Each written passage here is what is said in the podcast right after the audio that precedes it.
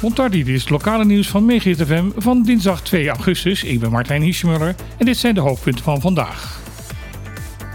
De commissie Toezicht Bescherming Persoonsgegevens BES heeft aangekondigd niet te zullen ingrijpen bij het bedrijf Eines Finance Bonaire.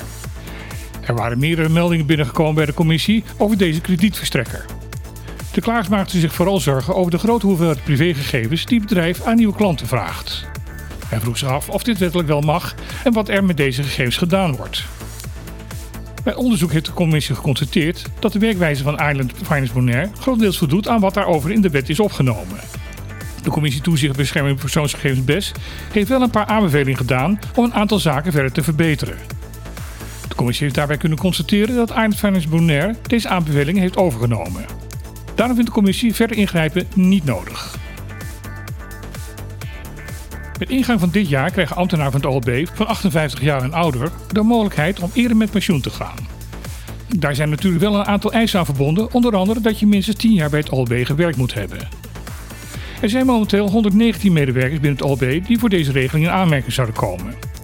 Met deze ambtenaren is overleg geweest en met 86 ervan afgesproken dat zij in de periode vanaf heden tot en met 2024 met vervroegd pensioen zullen gaan. De verantwoordelijk gedeputeerde Hennissen Tielman is de regeling een onderdeel van de revitalisering van het ambtelijk apparaat van Bonaire.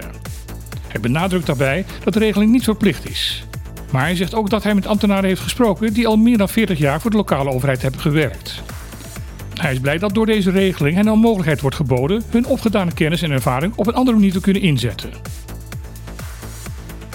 De rechter heeft hetzelfde OLB teruggefloten bij het terugvorderen van konoekoes die al meer dan 100 jaar in gebruik zijn bij Bonaireaanse families.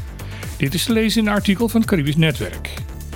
Het gaat hierbij om terreinen die volgens het OLB nooit privé-eigendom van de gebruikers zijn geweest en voert erbij aan dat er voor de betreffende konoekoes geen juridische bewijzen te vinden zijn dat ze eigendom zijn van de konokero's.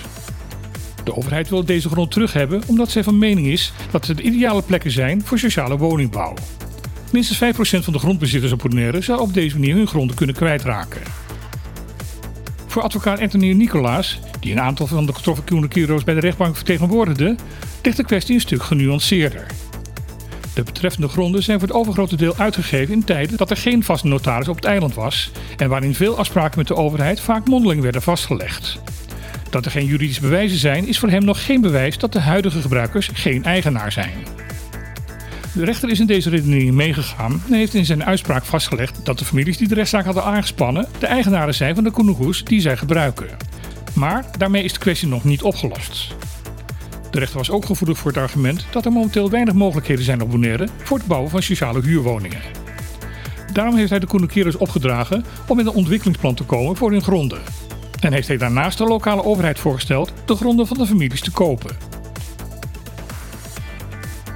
Er is momenteel een groot tekort aan vliegtickets tussen Curaçao en Bonaire.